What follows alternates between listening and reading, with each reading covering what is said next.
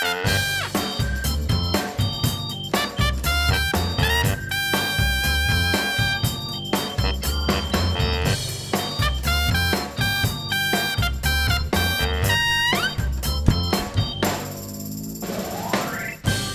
deze zomerse dag zijn Rick en Jeffrey weer verenigd voor de CIP-podcast. Ja, het is weer wat. We zitten lekker in de tuin van het eh, CIP headquarters.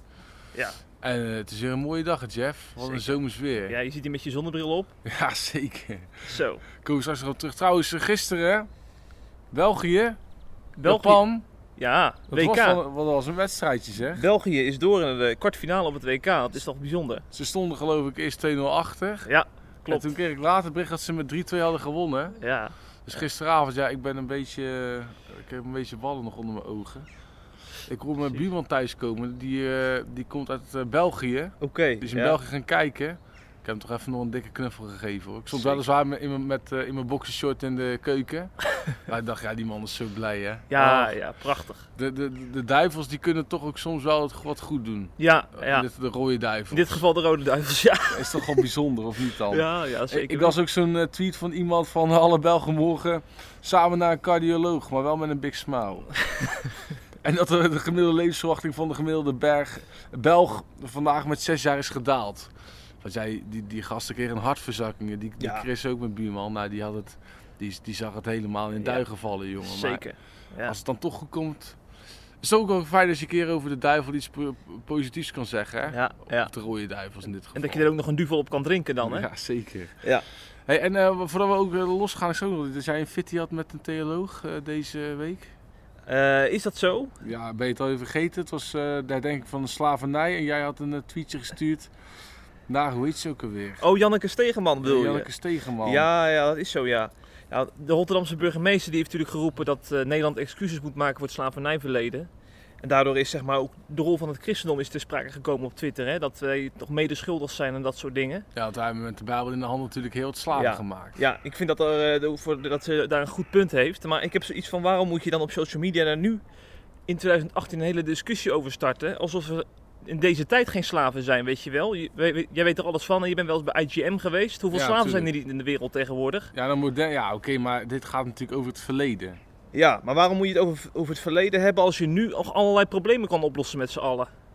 En als we nu eh, zeg maar een generatie zijn die niks met slavernij te maken heeft oh, gehad. ik dacht dat jij het bag- wilde bagatelliseren van Nee, nee, eh, nee, nee, de christenen hebben helemaal geen slaven gemaakt. Nee, nee, nee, daar ben ik, ik, dat is het punt dat ik niet wil. Dat is niet jij zelf een kleurtje. Ja, zeker. Dat weten we wel. Ja, ik vind het heel erg wat, wat, wat ons eh, voorouders is aangedaan, natuurlijk. Maar mijn punt is meer van. Als, laten we nou in plaats van met z'n allen discussiëren hierover eens op de slaven van nu richten en eh, grote geldacties eh, starten of zo. Ja, ik zag trouwens ook een tweet van Th- Thierry Baudet en die vond dan... eh, nee, niet wij moeten excuus aanbieden, want wij als, wij als christelijk land... Wij zijn als een van de eerste Ja. geweest die die slavernij hebben willen opgeven. Nee, iedereen, al die andere landen, die moeten hun excuus aanbieden voor het feit dat ze dat veel te laat hebben gedaan. Ja, dat ja. stoppen met de slavenhandel. Ja, ja. Maar goed, het is wel grappig dat toch onder die politici dan het christelijke, de christelijke waardennorm, of in ieder geval het christelijke, ja, de, de christelijke historie, dat die nog wel leeft onder politici als Thierry Baudet. Ja. En dat zag ik nu Joram Klaver, geloof ik. Joram van Klaveren, ja, Ja. klopt. Hey, maar eh, we gaan, dat was even terloops maar. Maar eh. Jeff die, die vindt dus wel dat de christenen zich schandalig hebben misdragen ten opzichte van slaven in het verleden.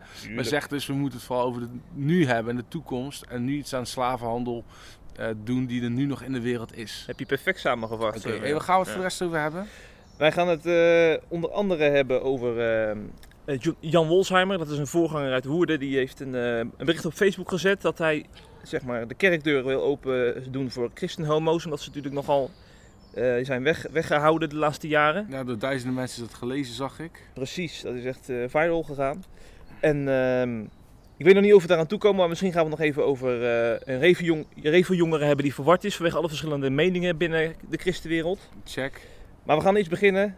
Eh, oh, ik vergeet trouwens nog de atheïstische dominee natuurlijk. Die is overleden vorige week, Klaas Hendriksen. Ja, daar moet ook het een en ander over gezegd Ja, worden. Maar ja. ook dat verlaten. Maar nu gaan we starten met de donkere wolken boven de EO. Ja, in Hilversum. Want het is toch wel een beetje Nou ja, een beetje. Het is volgens mij als. Het is zo. Er zijn bezuinigingen aangekondigd door de NPO. Ja. Zoals je weet, NPO moet altijd al, weet ik veel, heel veel bezuinigen. En er is om de zoveel tijd komt daar dan een uh, fitty over. Want ja, die omroepen die willen natuurlijk hun centjes houden. Want ja, die willen natuurlijk lekker veel geld kunnen uitgeven aan uh, hele mooie programma's. Ja. En dan moeten we bezuinigd worden, dan worden natuurlijk gesprekken gehouden en dan uh, zijn de directeuren boos. Maar in dit geval is er nou iets aan de hand wat in dit geval directeur Arjen Lok van de EO, mm -hmm. dat hij nog niet ziedend van woede heeft gemaakt, maar ze zag gezegd hij is not amused. Want wat is er aan de hand? De EO bestaat natuurlijk bij de gratie van de levensbeschouwelijke programma's die ze maken. De christelijke programma's, denk aan de verandering, maar ook programma's als uh, het familiediner, waar ook uh, de christelijke vergeving ongeveer toch al centraal staat, zo mag je toch wel zeggen. En wat is er nu aan de hand? Het budget voor die, juist die echte typische EO-titels, die gaat van 9 miljoen naar 4 miljoen euro. Zo. Nou, ik weet niet of je weet hoeveel tv kost per minuut.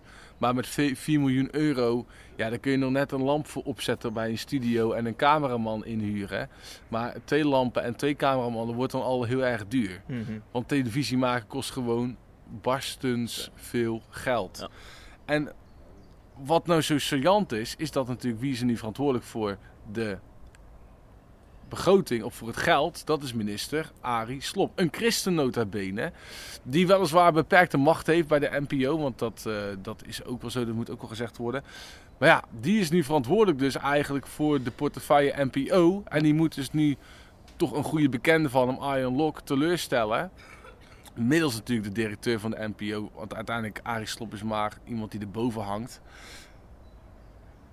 En Arjen Lok is gewoon niet blij. Nee, begrijpelijk. Want die denkt van ja hallo, uh, dit raakt het hart van de, o, de EO. En Ja. uh, bovendien wordt de pluriformiteit, uh, dus de diversiteit in programma's, wordt gigantisch aangetast. Ja. Ja, en de EO zegt, of de NPO zegt er natuurlijk weer op van ja, weet je, bezuinigingen zijn nou eenmaal niet makkelijk. En mensen moeten worden teleurgesteld. Maar, maar goed, Lok, ja, die, ziet het, die ziet erbij natuurlijk al hangen. Want het gaat al niet goed met de, de EO. Mhm. In de zin van, het wordt al ieder jaar moeilijker en moeilijker om televisie te maken en om de programma's die zij echt belangrijk vinden op prime time te krijgen. Want dat is ook een ding. Dat schrijft hij ook. Ja, sommige mensen denken, ja, wissel dan het ene programma voor het andere. Dus wissel dan een wat seculiere programma in voor de verandering op hetzelfde timeslot. Maar ja, tv bestaat bij de gratie van hoe laat je iets mag uitzenden. Mhm. En de NPO bepaalt uiteindelijk hoe laat een bepaald programma op de buis mag komen.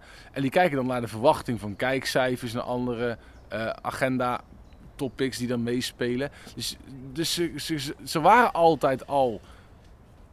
Ja, het was altijd al heel erg moeilijk om te zeggen: hey, een christelijk programma, dat willen we primetime om die en die tijd. Ja, om dat te, regelen is al moeilijk, want dan moest je toch, was je afhankelijk van de NPO. Nu wordt er bezuinigd.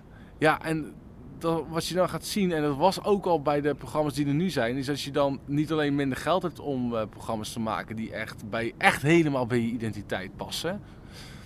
Maar dat die programma's natuurlijk ook weer, weer veel minder op primetime zullen komen en weer veel Ja. minder mensen zullen bereiken. Want laten we eerlijk zijn, de programma's die we hadden bij de EO en die echt super christelijk waren. Ik denk ook aan het programma van Thijs van der Brink.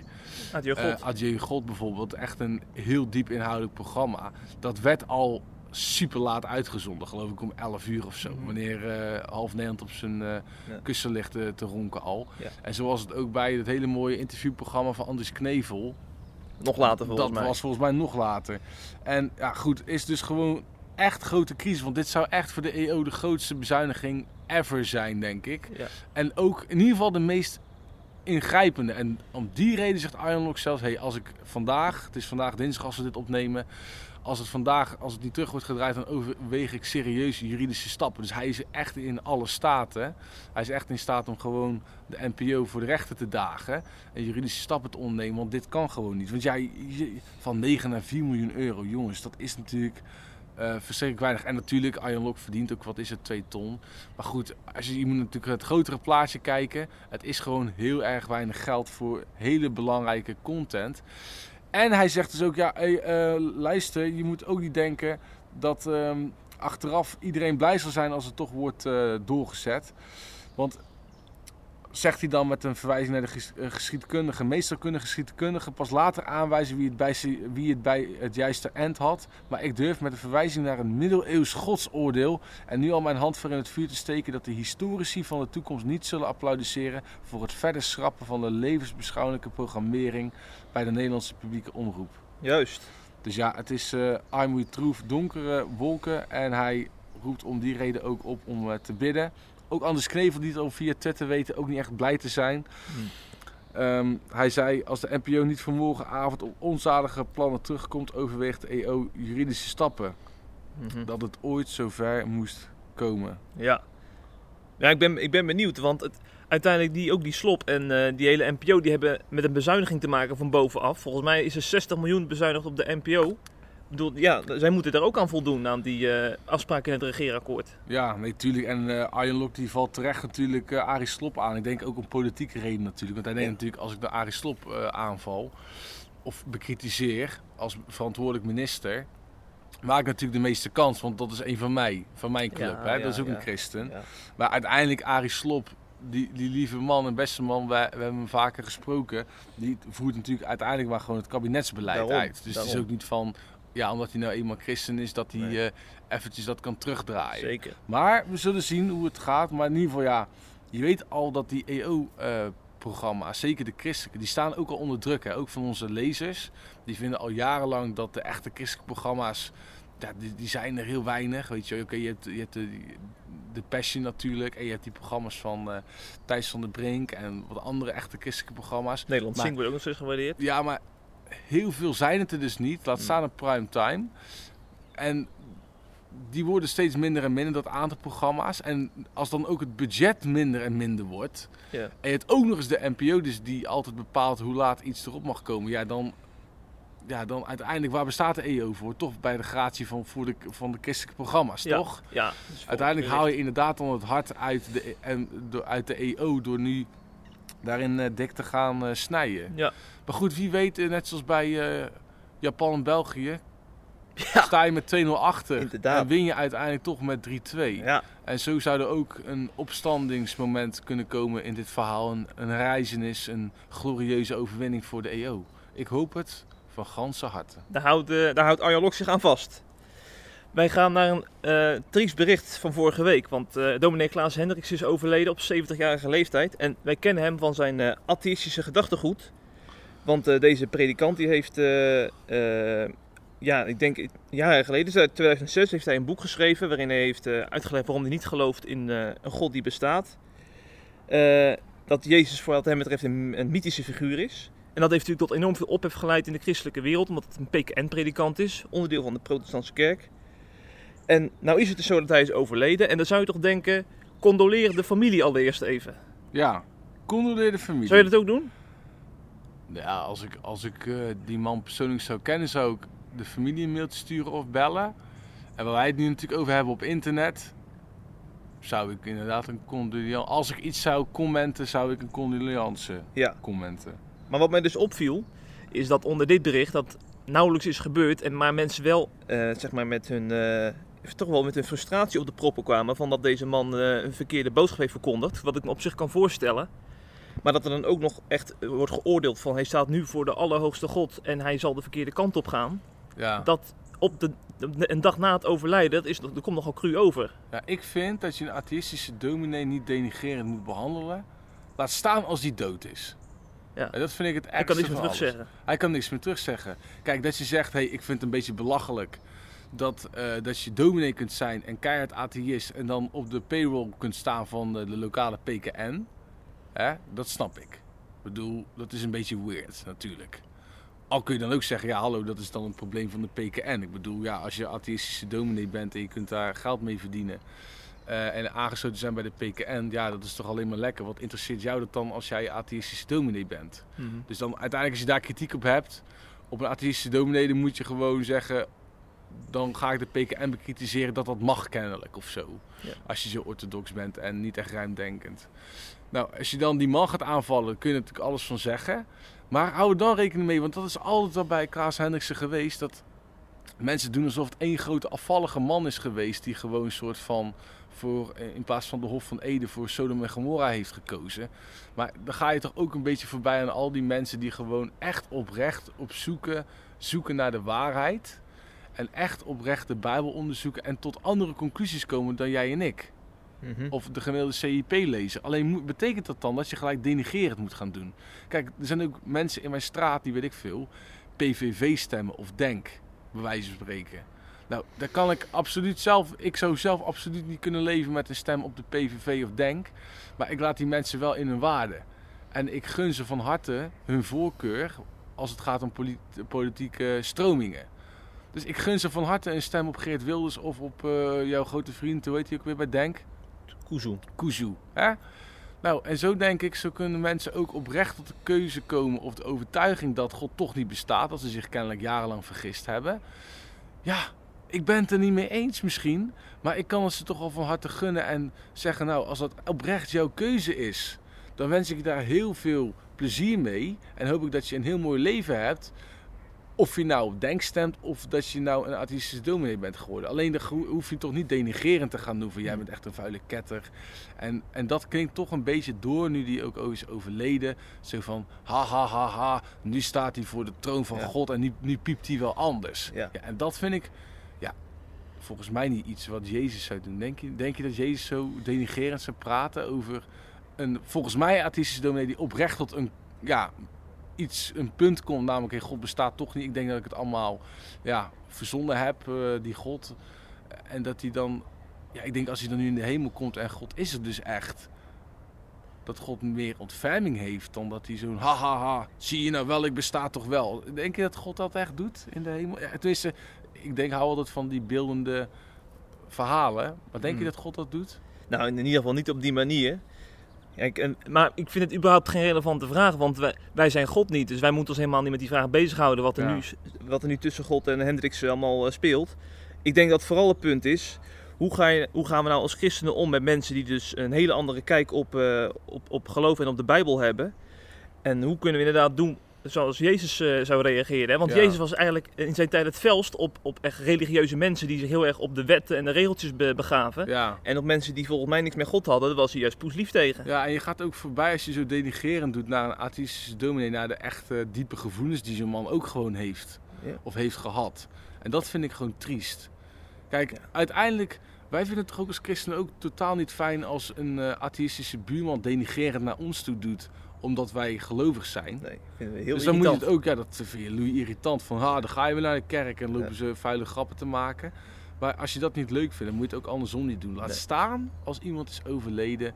Dan moet je gewoon zeggen, nou, ik hoop dat die man vrede heeft gevonden. En als God er dan toch eh, is, dan, ja, dan hoop ik dat hij... eh, ja, dan zal het sowieso goed zijn, toch? Want God, zeggen christenen altijd, is een goede God. Dus God gaat goed om met of je nou een, een christen bent van de, uit de Bijbelbelt en gaat ook goed om met een atheïstische dominee. En wat God dan doet of wat God vindt, dat weten wij niet.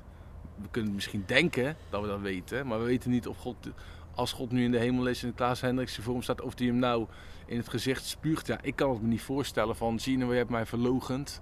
Hè?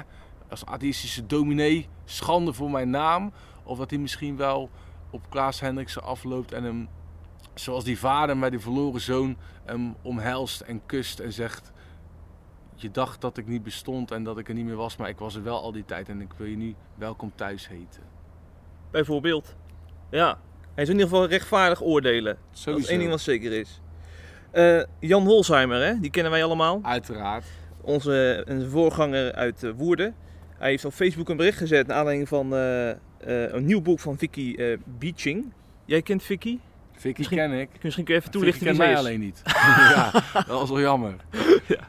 Nou, dit is een hele bekende christelijke artiest. Ja. En die heeft jarenlang echt geprobeerd met alles wat ze in zich heeft om van haar homoseksuele gevoelens af te komen. Is niet gelukt.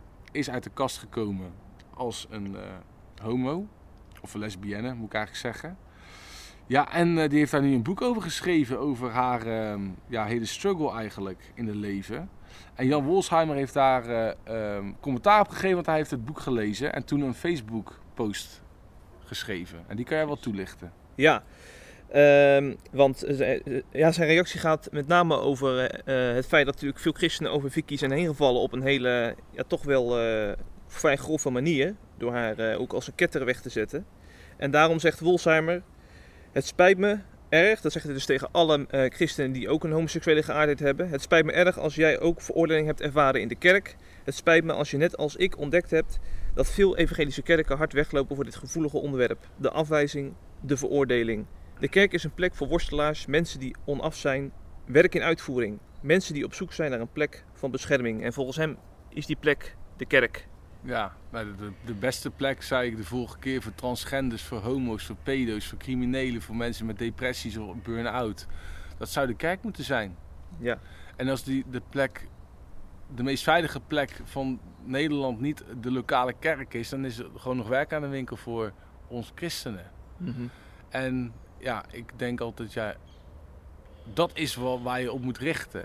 En als je merkt dat de kerk dus geen veilige plek is voor bepaalde mensen, zoals in dit geval dan homo's of zo, of voor buitenlanders of voor je, voor je lokale islamitische buurman, Ja. dan denk ik, dan moet je daar eerlijk naar over zijn en op zoek gaan naar een oplossing. Mhm.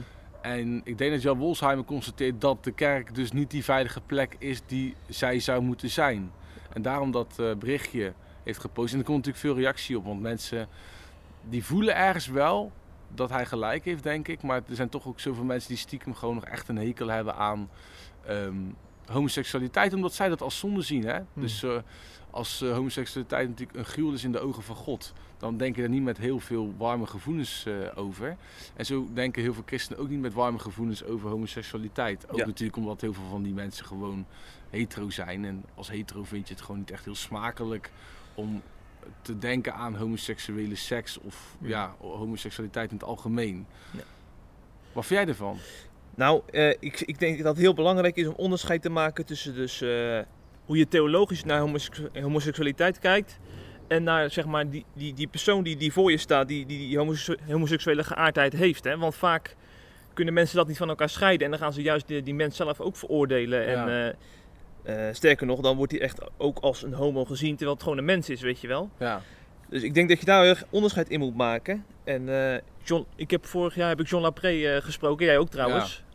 Dat is ook iemand die uit de kast is gekomen en die heeft een boek geschreven, ook waarin hij zelf uitlegt hoe hij dat heeft ervaren, hè, als mensen zo met hem omgaan. ja, En toen heeft hij ook verwezen naar bijvoorbeeld naar Zacchaeus. Zacchaeus die, die dat was eigenlijk een fraudeur in de tijd van Jezus. Niemand keek naar hem om. Werd, echt, eh, werd, werd echt verafschuwd. ja eigenlijk outcast. Precies. Maar Jezus zag die, eh, die ene Zacchaeus er staan. Sterker nog, hij, hij, het, het is zo weggekomen dat ze echt één op één bij hem thuis aan, aan, de, aan de koffie zaten. Ja. Bij van spreken. En de grap is juist doordat hij bij geest ging eten, dat dat geest veranderde. Ja, precies. Dus wat natuurlijk niet werkt, Jezus heeft niet gezegd tegen geest van... eh, ik hoef jou niet te zien totdat jij eh, je oude, dat slechte leventje voor jou hebt afgelegd. Ja. En zo zou je kunnen zeggen dat als homoseksualiteit dus net zo eh, slecht is als zijn geest een eh, criminele record... dat de, de beste manier om daarmee om te gaan is niet door te zeggen... jij, jij vieze vuile homo, wegwezen hier.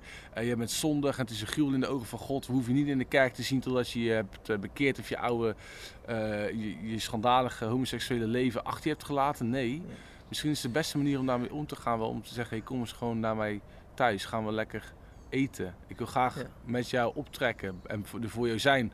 Nog los van wat je uiteindelijk gaat kiezen of hoe je gaat leven. Ja. Maar ik wil jou lief hebben, want lief, liefde is toch het grote gebod.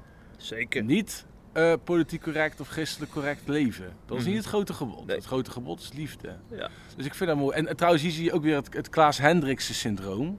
Het Klaas Hendrikse syndroom is Ja. mensen eigenlijk verafschuwen om hoe ze zijn en wat ze doen. En dat zie je ook bij Vicky Beatsing. Want die krijgt dan, die heeft dan nu dat boek uitgegeven en die liet dan via Twitter weten dat ze dan nu helemaal wordt belaagd met mensen die haar dan conversion therapy willen aanbieden.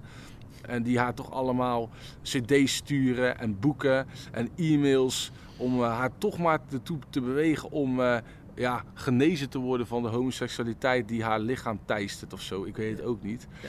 En ze zegt dan, ja, maar lieve mensen, die, die, die conversietherapie, hè, dat, dat ik zou moeten genezen, die genezingstherapie, die genezingshomotherapie, dat heeft me bijna mijn leven gekost. Moet je nagaan. Ik heb, want zij heeft natuurlijk oprecht gedacht, ja, ik wilde echt heel graag vanaf komen. Maar ze heeft bijna zelfmoord gepleegd omdat Ja. het niet lukte. Nee. En ja, ik, ik zeg niet dat je het daarmee eens moet zijn. Ik zeg alleen maar, oh, alsjeblieft, heb er nou... Voel nou alsjeblieft iets meer dan alleen maar afschuw naar mensen die anders denkend zijn of andere geaardheid hebben dan jou. Want ik denk, en dan zeggen ze ook tegen ons vaak, ja, waarom moet het zo vaak over homo's gaan bij CIP? Ja, nou, nou precies om deze reden. Want ik ben dus oprecht van mening dat je echt alles mag vinden. Ook je mag de Bijbel interpreteren van links naar rechts. En iedereen mag zijn eigen, ja, zijn eigen, ik zeg niet voorkeur hebben, maar we zijn toch vrij om, om een beetje eigen interpretatie te geven aan teksten, right? Zeker. Maar doe dat alsjeblieft en altijd met liefde en respect naar elkaar toe. En zolang dat niet gebeurt, vind ik, dan moeten we dit soort onderwerpen aandacht geven. Want dan is er nog werk aan de winkel. Ja. Want je kunt wel misschien alle, alles dogmatisch 100% op een rijtje hebben. Maar als dat gebeurt zonder de liefde te hebben voor mensen die daarvan afwijken. Ja, dan ben je echt, heb je, ben je volgens mij verder van huis dan wanneer het andersom is. Ja. Ja. Nou, het mooiste vind ik, toen, dat John ook heeft verteld, dat hij regelmatig eh, eh, een- met een vriend samenkomt die, eh, die echt heel, heel anders in de materie staat. Ja, dus, die ziet het gewoon echt als zonde, homoseksualiteit. En die ziet uit de Bijbel gewoon dat het niet oké is of niet Gods bedoeling. Precies, maar toch, desondanks ontmoeten ze elkaar en kunnen ze elkaar gewoon, zijn ze gewoon vrienden met elkaar. En waarom zou dat niet kunnen, inderdaad? Hè? Waarom zou je niet gewoon elkaars leven kunnen delen? Dus ik zou het verschrikkelijk moeten vinden als ik alleen maar mijn leven kan delen met mensen die precies hetzelfde denken zoals ik denk. Dan word ik helemaal niet, eh, daar raak ik helemaal niet geïnspireerd Kijk, van. als Excelsior-fan eh, drink ik ook graag een biertje met, eh, wat is het, PSV. Patrick. Die is, Patrick. jouw vriend Patrick, die is, die is een vervent PSV-aanhanger. En dat niet alleen, hij denkt ook over heel veel andere thema's heel anders dan ik. We Ja. hebben ook felle discussies op Twitter vaak. Daar zijn we heel erg Dat oneens. is ook ruzie. Maar uiteindelijk drinken we toch weer een biertje met elkaar. Ja, maar dat vind ik het mooiste. Ik vind het ook juist ook omdat je van mensen die anders denken dan jij leer je uiteindelijk het meeste. Ja. Gaan we even door naar het laatste topic, doen we er gewoon Ja. even nog bij. Hey, toch mooi dat we daar nog aan toekomen. Want eh, in het Reformatorisch Dagblad is dus een, eh, een brief verschenen van een, eh, een jongere uit de Revo-wereld. Die is verward, want eh, hij komt met allerlei verschillende inzichten en meningen in aanraking. En allemaal uit de reformatorische hoek. Eh, hij schrijft onder andere... eh, het verwart mij dat er zoveel verschillende opvattingen zijn over onderwerpen als de toe-eigening van het heil... eh, of over wanneer je mag aangaan naar het heilig avondmaal. De verschillende kerken baseren allemaal hun theologische gedachtegoed op de Bijbel, terwijl, we dezelfde Bijbel hebben. Dat maakt de vragen voor mij alleen maar groter. En ik denk dat hij een van de velen is. Hè? Je, hoort, eh, je, wordt al, je hoort wat van een hervormde dominee, of van een christelijk gereformeerde dominee, of van een gegem dominee. En ze zeggen allemaal wat anders en die jongeren weten niet wat ze ermee moeten. Ja, ik vind het eh, triest en ik begrijp het ook wel. Ja. Ik zei het gisteren toevallig nog eh, in een gesprek na een interview met iemand. Het is en blijft toch fascinerend dat je naar de gegem kan gaan en daar is toch wat meer hel en verdoemenis, om het maar zacht eh, te zeggen vaak. Gewoon wat strenger allemaal, je weet wat ik bedoel. Ja. Ik bedoel het ook echt niet denigerend hoor, Nee, dat is nee, gewoon hoe mensen geloven. Wat in mijn optiek wat meer hel en verdoemenis, nou dat staat ook in de Bijbel, prima. Daar heb je heel veel hel en verdoemenis, om het maar even simpel te zeggen. Dan ga je naar Pinkster kijken en dan kan het helemaal happy clappy, God houdt van jou, God is liefde zijn. Mhm. En toen dacht ik, als je nou een ongelovige persoon meeneemt naar de ene kerk en dan naar de andere kerk. En dan tegen die persoon zegt, ja, en die, die twee kerken die geloven nou precies in dezelfde God. Ja. Dan is het toch een beetje weird, een beetje raar. Ja, Want de ervaring die de persoon heeft gekregen in de ene kerk is totaal anders dan in de andere kerk. In de ene kerk heeft hij heel een verdoemenis gehoord, in de andere kerk alleen maar heb je klepje God is liefde, God houdt van je. En dat zou dan precies dezelfde God moeten zijn. Ja, dat is natuurlijk extreem verwarrend voor een niet-christen, maar natuurlijk ook voor iemand die al jarenlang christen is. ja. En, en nou, je ziet ook door de dogmatische bomen, het, eh, hoe noemen we dat? Je ziet door de, door de dogmatische bomen het bos niet meer, om het zo maar Mhm. te zeggen. Mm, ja. Er zijn zoveel meningen over hoe het nou zit met de avondmaal, of met eh, hoe het nou zit met gebed, of met de Gods soevereiniteit, of noem, you name it. Mhm. Dat je soms ook daardoor juist niet per se helderder gaat denken, maar juist meer warriger gaat denken. Zeker. En niet eh, tot een helder inzicht komen, maar als het ware meer soort, ja, dat je je geblinddoekt voelt en dat je je gedesoriënteerd bent. Dat je niet Hm. eigenlijk weet, ja, waar, waar, waar moet ik nou eigenlijk in geloven of wat is nou eigenlijk waar. Ja. En dat is Ja. volgens mij het probleem van deze persoon. Ja, zeker. Alleen dan zelfs binnen het eigen kerkverband. Ja, ja. Nou ja, in ieder geval binnen de reformatorische gezinte. Want alleen daar al heb je al volgens mij al eh, em, zo'n tien verschillende soorten kerkverbanden. Hè, die allemaal op de, zeg maar, op de reformatie beroepen. Dus dan heb je het al over één zeg maar, segment En je is net al Pinksterkerken, dat is ook weer een ander segment. Dus eh, als je al die verschillen bij elkaar neemt, Ja. dan kom je, dan kom je wel boven, eh, ik denk boven de, je kun je wel tot 50 inzichten komen. ja, maar wat is jouw tip nou om daar goed mee om te gaan?